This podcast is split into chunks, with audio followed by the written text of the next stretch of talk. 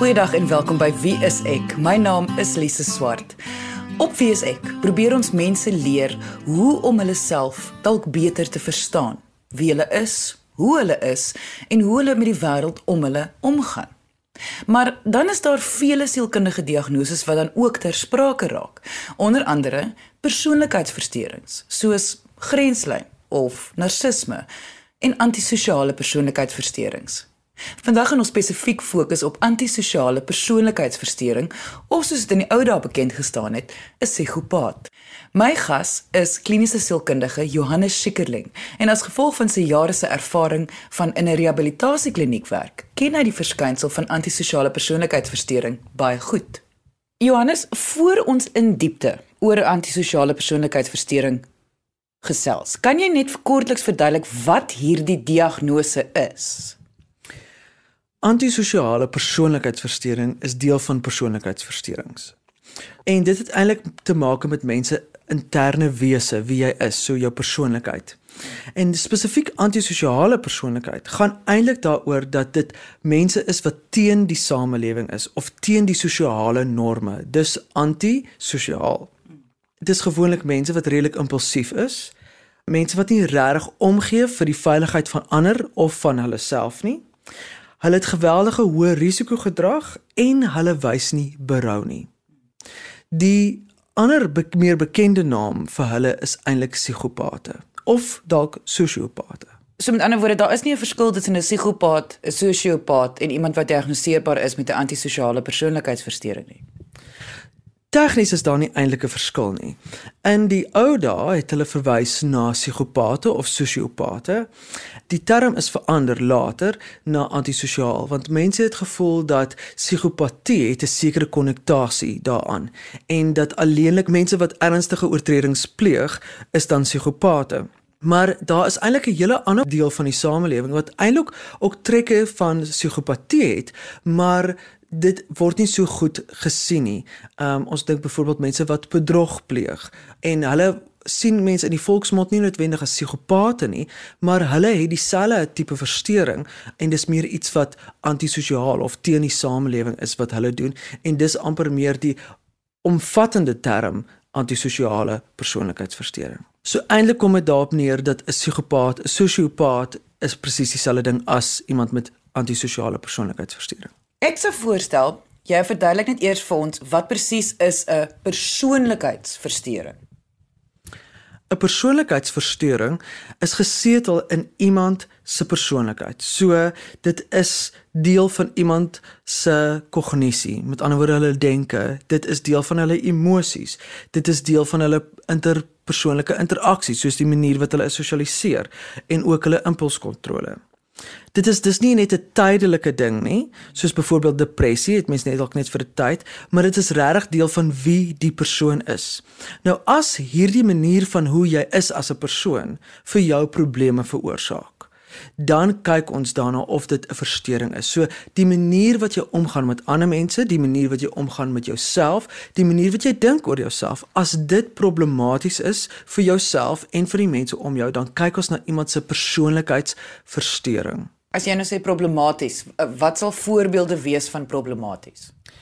Dit sal iemand wees wat byvoorbeeld nie 'n werk kan hou nie of wat gereeld probleme het met kollegas of wat nie reg funksioneer in 'n gesinsstruktuur nie of iemand wat gereeld krisisse veroorsaak of op een of ander manier veroorsaak hulle persoonlikheid altyd drama of 'n tipe wrywing wat ander mense verkeerd opvat of wat vir hulle moeilik is om te hanteer daarmee saam kyk ons ook natuurlik na iemand se funksionering altyd.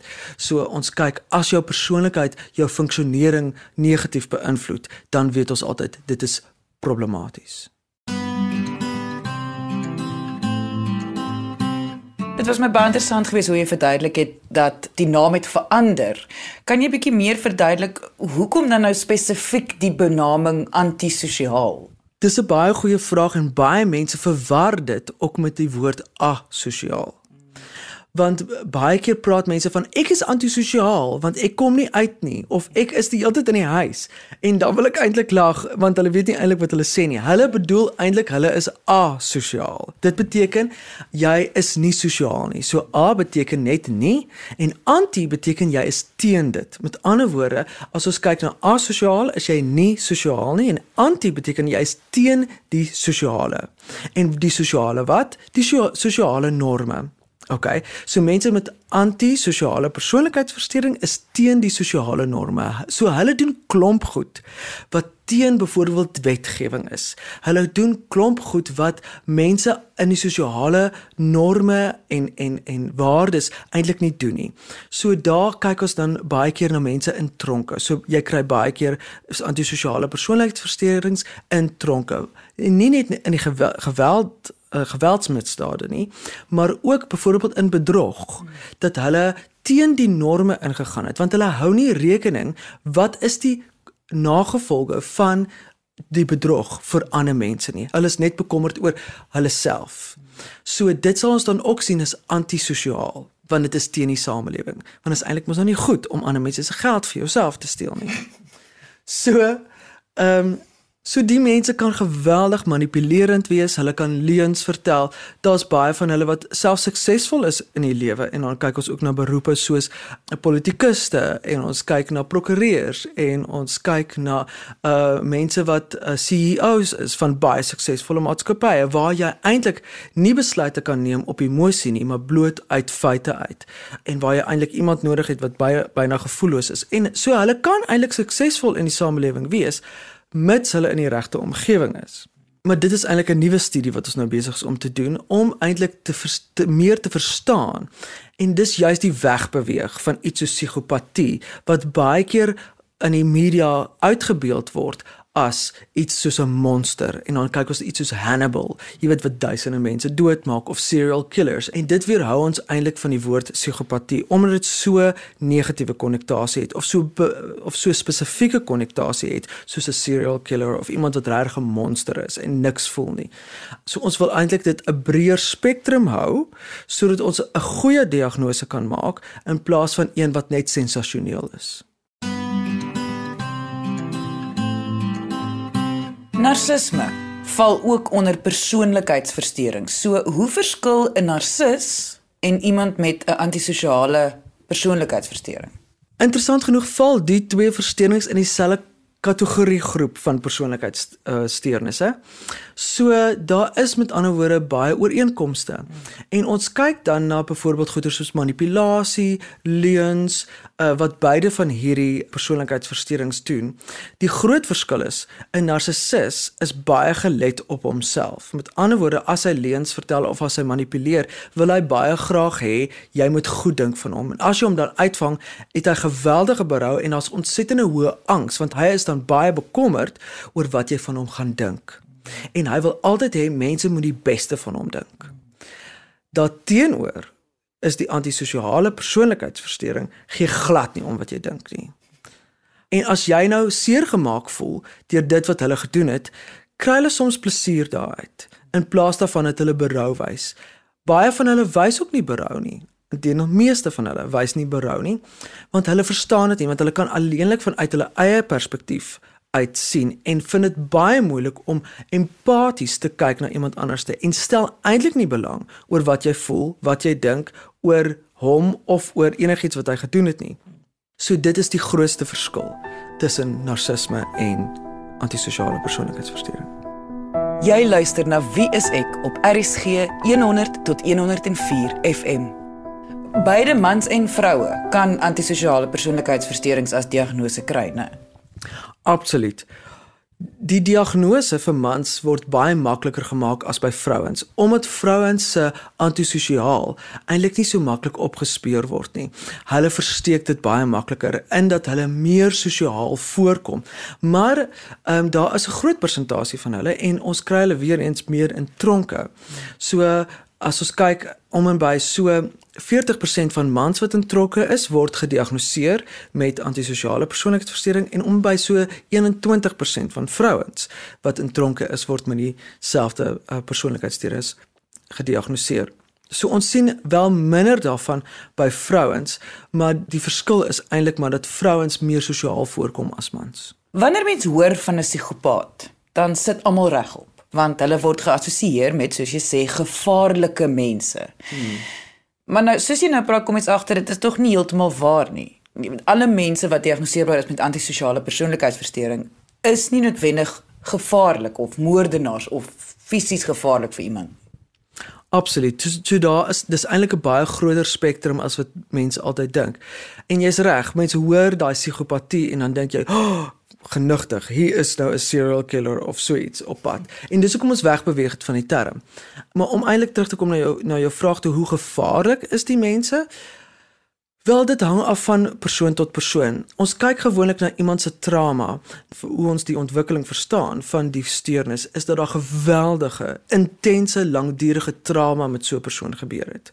Daar is ook natuurlik genetiese korrelasie, maar ons kyk veral na die trauma wat so 'n persoon en gelang van die trauma wat die persoon ervaar het en die langdurigheid daarvan, hoe meer gevoelloos wil ons amper sê is hulle. Nou ons moet dit mooi verstaan want wat antisosiale mense eintlik gebruik is 'n klassieke vermydings of eintlik verdedigingsmeganisme genaamd verplasing.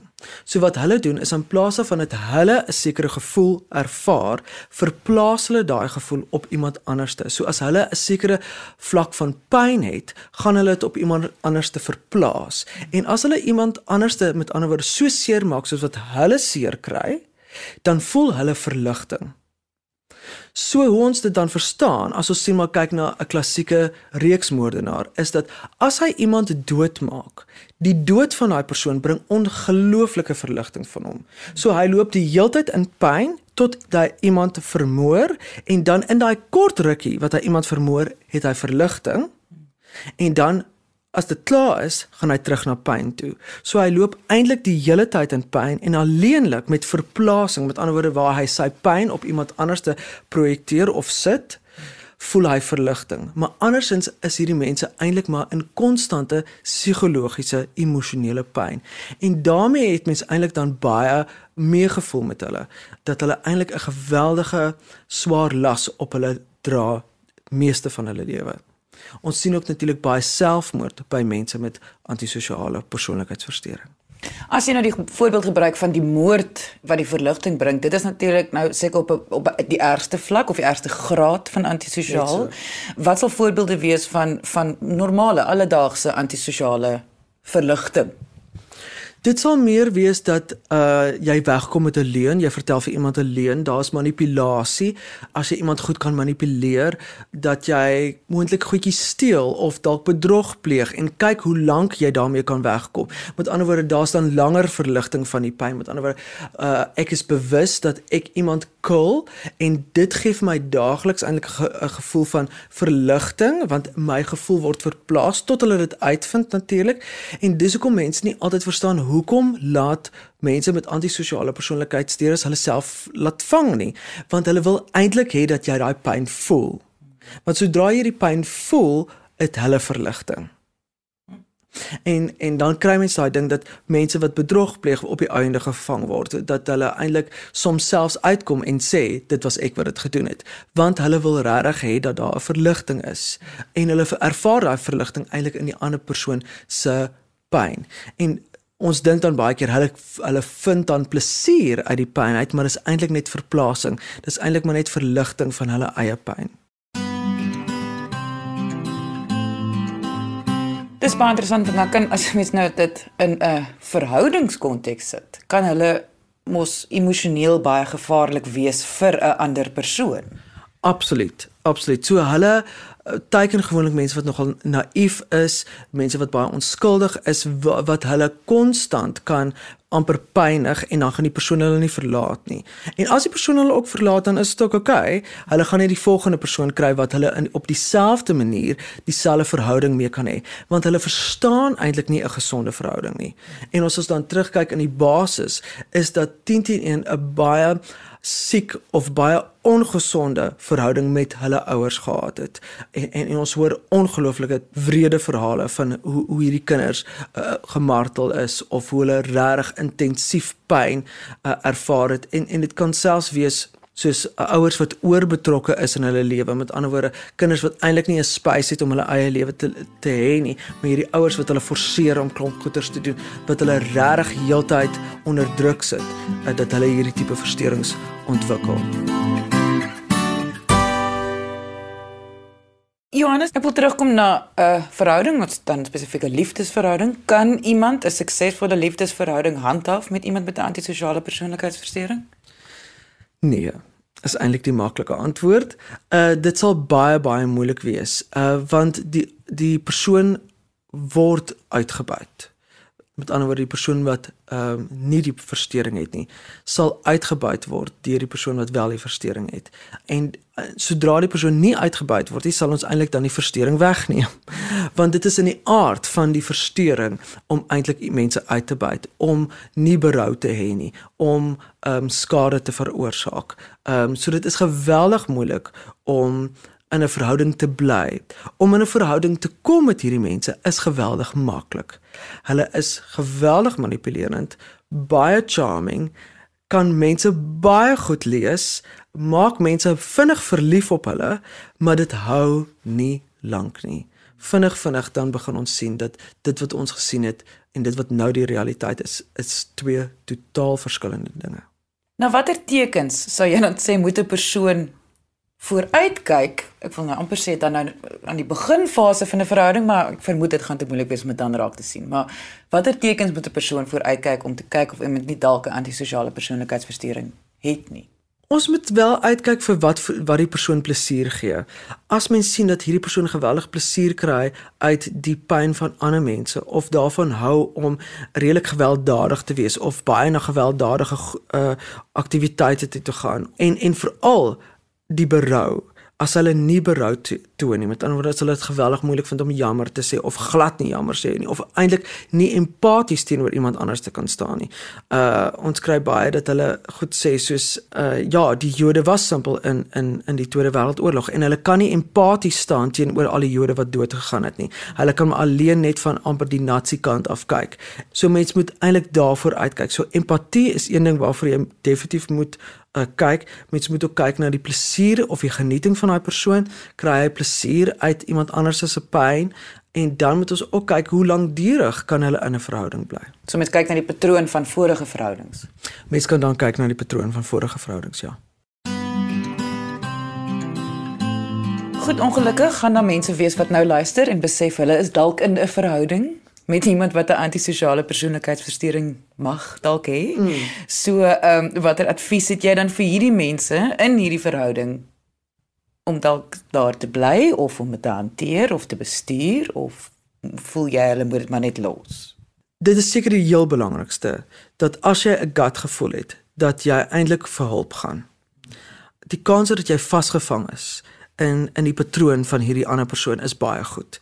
En hoe vinniger jy hulp kry uh of advies vra is uh, hoe hoe beter vir jou en eintlik vir die ander persoon. En ons wil baie graag hê dat 'n professionele persoon hierdie diagnose maak. Dat ons nie lukraak rondgaan en sommer persoonlikheidsversteurings uh mense toesnou nie, want dit is eintlik 'n baie intensiewe uh versteuring om vir iemand te gee. Dit is so goed jy sê eintlik iemand is 'n psigopaat en mense kan baie skade daarvan kry sonder ehm um, dat hulle eintlik dit bedoel het of of sonder dat hulle amper die werk daarvoor gedoen het, wil ek mm. amper sê. Mm. So ons wil regtig hê dat dit verantwoordelik gedoen word. So gaan vir hulp, uh vra daarna, gaan sien 'n terapeut en vra of die persoon waar waarmee jy in 'n verhouding is wel aan die kriteria voldoen en dan met die hulp van 'n terapeut gaan die beste manier wees van hoe om hierdie ding te navigeer. Is daar enigiets wat 'n persoon definitief nie moet doen wanneer hulle vermoed hulle is in 'n verhouding met 'n antisosiale persoonlikheidsversteuring nie. Definitief moet nie konfronteer nie. Moenie direk konfronteer nie. Want dit gaan alleenlik aggressie en irritasie en en en en baie onvoorspelbare impulsiewe gedrag uh ontlont. Ons moet onthou dat hierdie mense loop in pyn en hulle soek die hele tyd pynverligting. So as jy die pyn skielik vermeerder, gaan hulle reageer. Ons kan nie van hulle verwag om nie te reageer nie. So kry eerder hulp hoe om dit te hanteer. Maak dit eerder veiliger vir jouself uh, en hou dit eerder soos wat dit is, stabiel en veilig voordat jy net sommer konfronteer. Wanneer 'n persoon gediagnoseer word met 'n antisosiale persoonlikheidsversteuring, kan hierdie genees word? Daar is baie traumaterapie wat dan gebeur met so 'n persoon. Of dit genees kan word, is altyd 'n baie moeilike vraag omdat dit so deel is van die persoonlikheid. Dit is so deel van wie die persoon is. En dus met enige persoonlikheidsversteuring is dit regtig baie moeilik om dit te genees of te verander want dit is regtig deel van hoe die persoon dink, voel en leef. Maar daar is wel tegnieke en maniere hoe ons hulle kan help om nie noodwendig so plofbaar te wees nie. En dis ook die nuwe navorsing oor hoe kan hulle meer of beter in die samelewing leef wat vir hulle gemakliker is en hoe hulle die wêreld verstaan. En daarmee kan ons hulle eintlik help om vir hulle self 'n plekkie in die samelewing uit te kerf wat soms beperk is, maar wel in die samelewing is. Jy luister na Wie is ek op RCG 100 tot 104 FM. Wat is jou opinie? Moet mens simpatie hê met mense diagnoseerbaar met antisosiale persoonlikheidsversteuring? Uh, moet mens versigtig wees vir hierdie mense of wat moet mens wees? Ek sou amper sê beide. Ek dink dit is baie belangrik om empatie met hierdie mense te hê.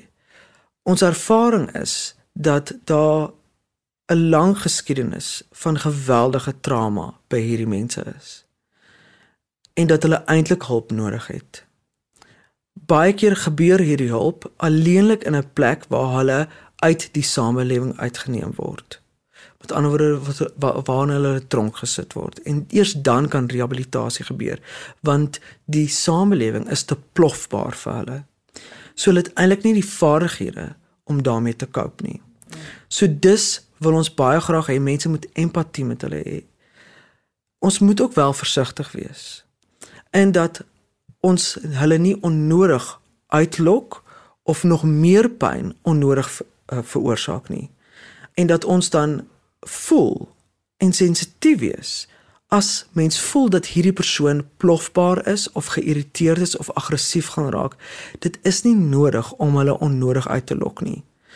Hulle gaan vasdraai want die manier hoe hulle funksioneer in die samelewing is nie vir hulle gemaklik nie en baie keer beland hulle wel dan in 'n plek of 'n institusie waar hulle nie in die samelewing is nie. So wees versigtig. Voel aan as iemand plofbaar is en los dit eerder. Jy wil hulle nie in die rooi druk nie want dit gaan jou nie help nie en jou omgewing ook nie help nie. Maar kry dan eerder hulp vir hulle.